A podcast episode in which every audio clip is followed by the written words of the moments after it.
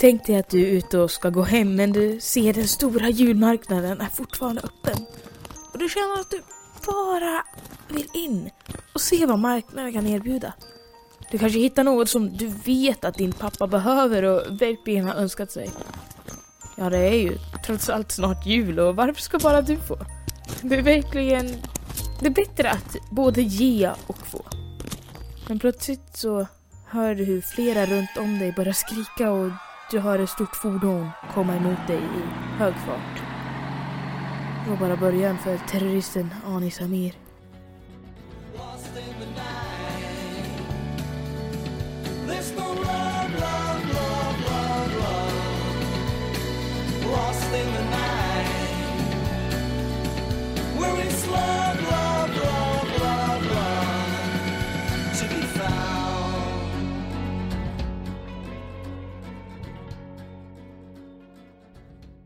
Välkomna alla mellandagsnjutare. Hoppas ni har kunnat fira en riktigt god jul trots dessa mörka tider. Det här är podcasten Lägereldens julspecialserie som ni lyssnar på. Lägerelden mellandags chill. Jag heter Rickard Grönberg, men kalla mig bara Rickard med CK. Och jag har varit en av uppläsarna i den här poddens föregångare.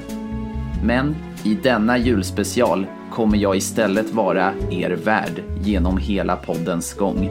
Från juldagen fram till dagen före nyår kommer ni kunna följa denna serie tillsammans med mig och våra uppläsare. En mellandag i taget. Detta skulle egentligen ha blivit en livepodd, men på grund av ni vet vilket virus så blir det istället en vanlig podcast som ni kan lyssna till när som helst och vart som helst. Men innan vi börjar så ska jag, första avsnittet och juldagen till ära, läsa upp en juldikt för att få igång julstämningen ordentligt. Här är Julnatten.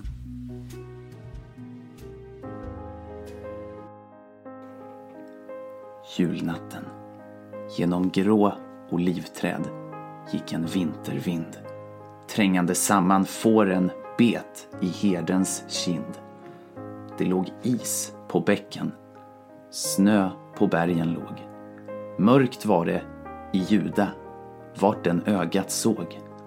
Plötsligt tändes himlen och det blev varmt med ens. Sången göd och ljuset lyste utan gräns. Men så släcktes ljuset, stängd blev himlens dörr. Sången göd ej mera, allting var som förr. Nej. En nyfödd gosse låg på en bädd av strå. Så då var änglasynen ingen dröm ändå. Såja, och nu åter till podden. Men först och främst vill jag varna känsliga lyssnare. För precis som i vår förra Lägerelden-serie så ska våra uppläsare berätta för er nagelbitande, otäcka, men också mysrysliga historier för de som vågar. Ni kommer bland annat få höra om julrelaterade attentat och brott genom historien.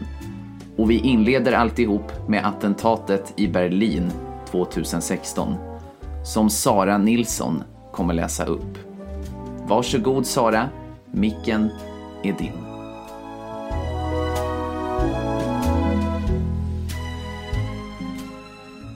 Men vi börjar med gärningsmannen och vem han egentligen var.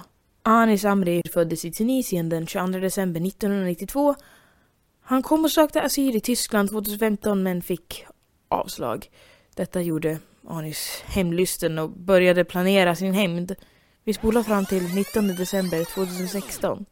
Den då 37-årige polacken Lukas Urban, som är lastbilschaufför, har ett kort avbrott.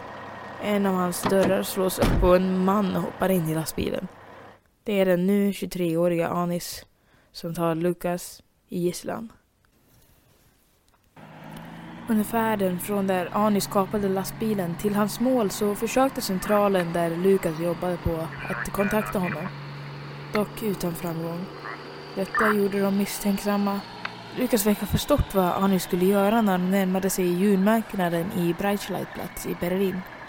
Detta då det såg ut som att han försökte avvärja Anis. Detta då det finns bevis på Lukas som visar att han var vid liv medan fordonet körde. När Anis kör mot marknaden och Lukas försöker att avvärja honom så blir han knivhuggen till döds. Detta antagligen efter att Anis kört genom marknaden på mellan 50 till 80 meter. Därefter så hoppar Anis ur fordonet och lyckas komma undan. Han lämnar efter sig ett kaos. Det är ungefär 56 skador och 12 döda.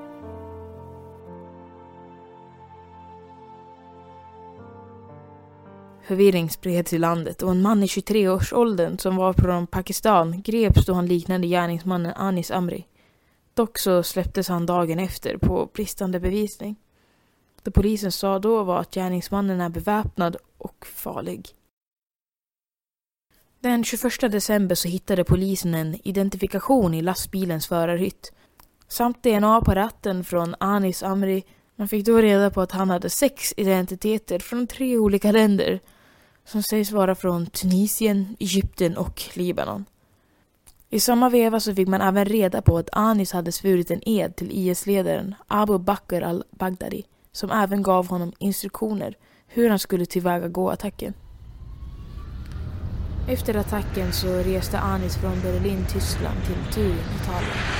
Men under dagen den 22 december så uttalar hans bror Abdelkader att Anis bör lämna in sig till polisen samt att familjen tar avstånd till honom. Den 23 december så tar sig Anis från Turin till Milano, Italien. På centralen i Milano så uppmärksammar en patrull den misstänkte terroristen och ska gripa honom. När en polisman kommer fram så har Anis upp ett vapen och skjuter polisen. Dock så skadas polisen bara och resten av patrullen skjuter Anis till döds. Den 29 december greps en annan man som var kopplad till Anis då han skickade ett röstmeddelande samt en bild till denna mannen. Dock så släpptes han senare för brist på bevis. Efter attacken i Berlin så kommenterade Frankrikes borgmästare i Nice, Philippe Pradal, Rysslands president Vladimir Putin, Sveriges statsminister Stefan Löfven samt utrikesminister Margot Wallström. Även USAs då tillträdande president Donald Trump kommenterade. Bland annat så sa Donald Trump innan tysk polis bekräftade att det var en terrorattack. Frankrikes borgmästare i Nice sa Skräck i Berlin. Mitt stöd går till Berlins borgmästare och det tyska folket. Aldrig mer. Samt att presidenten François Hollande kommenterade så här. Frankrike vet vad terrordåd är för något. Och det elände och den olycka det kan provocera fram. Men också att det gäller att stå upp och vara enade. Det gäller för det land som attackerades men också för hela Europa och till och med hela världen gentemot hotet från terrorism. Även Rysslands president Vladimir Putin kommenterade attacken och sa att det var ett hemskt dåd. Sveriges statsminister Stefan Löfven kommenterade både attacken och mordet på Rysslands ambassadör Andrei Karlov i Turkiet. Han sa så här.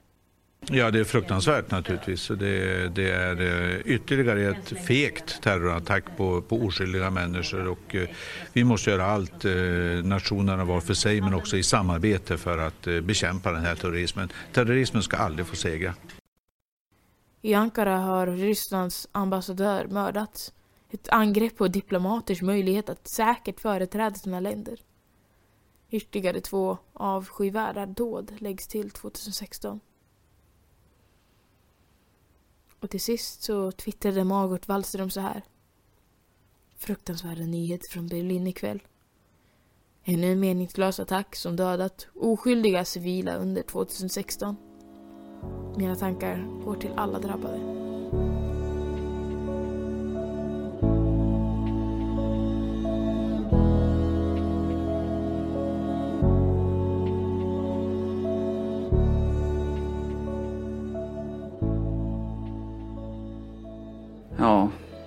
Ett mycket sorgligt attentat. Ett av de sorgligaste som någonsin skett. Med alldeles för många drabbade. Men det är förstås fint att så många nationer stöttade Tyskland efter attentatet. Och även vi på lägerelden tänker mycket på alla dessa attentat och vi skänker stor empati till alla offer och dess anhöriga som vi tar upp. Detta hälsar poddens skapare och min uppdragsgivare Rasmus Bryngel Andersson. Men nu, kära lyssnare, åker vi vidare till nattklubben Reina i Turkiet där vår nästa historia utspelas. Och denna historia berättas av vår nästa uppläsare, Alice. Som föredrar att ha sitt efternamn anonymt, vilket förstås respekteras. Varsågod Alice, micken är din.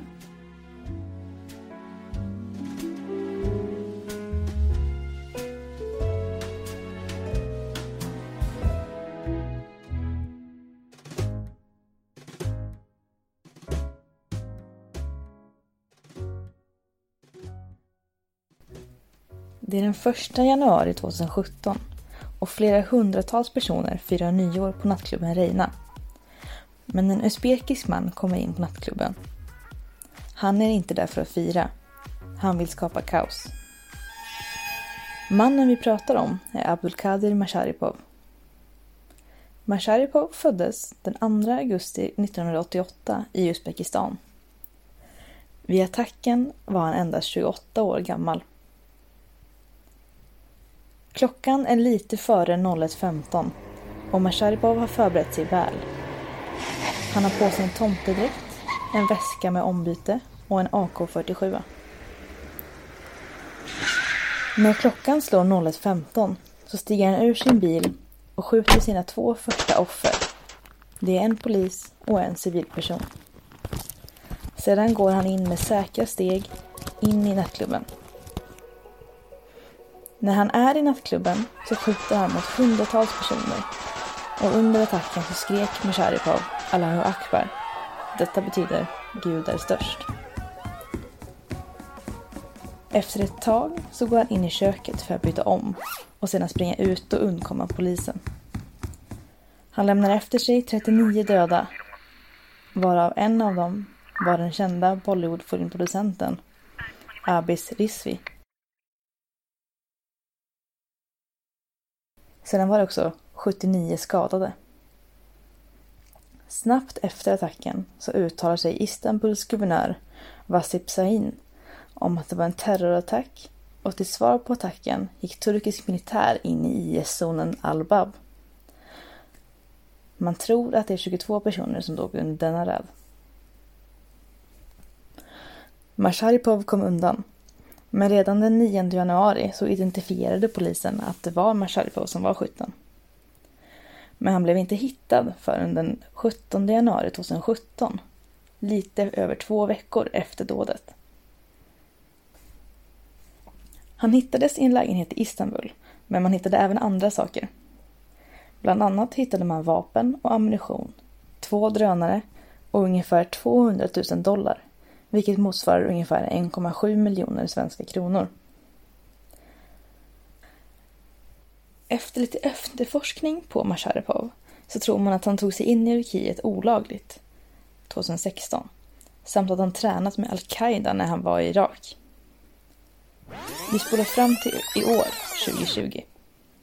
I september i år så dömdes han till livstidsfängelse samt 1368 år i fängelset. Dock så fanns det inte tillräckligt med bevis så Masharipov har chansen att överklaga sin dom, vilket han med största sannolikhet kommer att göra.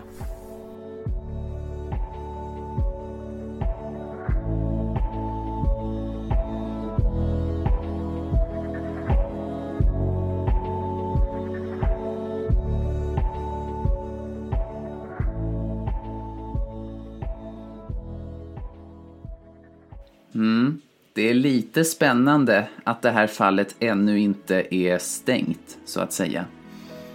Men det kanske blir en liten uppdatering senare när fallet är klart. Men återigen, en fruktansvärd händelse och alldeles för många drabbade. Som vi på lägerelden visar stor medkänsla för. Vi tänker på er, alla era tappra kämpar. Följande avsnitt kommer säkert bli en aning kortare eftersom det kommer komma fler avsnitt på kort tid. Vanligtvis berättar vi om tre fall, men under dessa sex mellandagar lär det nog bli två historier per avsnitt. Med detta sagt är det hög tid att vi rundar av för idag. Vill ni se bilder från fallen vi tagit upp och annat så kan ni ju alltid gå in på poddens Facebookgrupp Lägerelden Eftersnack och gilla oss där. Och glöm inte heller att följa podden och dess skapare Rasmus Bryngel Andersson på hans sociala medier. Länkar finns här nere i beskrivningen. Och glöm inte heller att följa mig.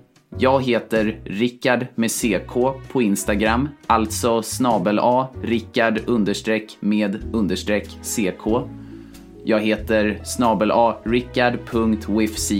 på TikTok och på Facebook, ja, där heter jag bara Rickard Grönberg. Vi tackar också EPs Trailer Park och för att vi får använda deras låt Lost in the Night. Med detta sagt vill jag, Rickard med CK Grönberg, tacka er som har lyssnat och så ses vi, eller rättare sagt hörs, imorgon på annandagen i nästa avsnitt. Och tills dess, god fortsättning så länge.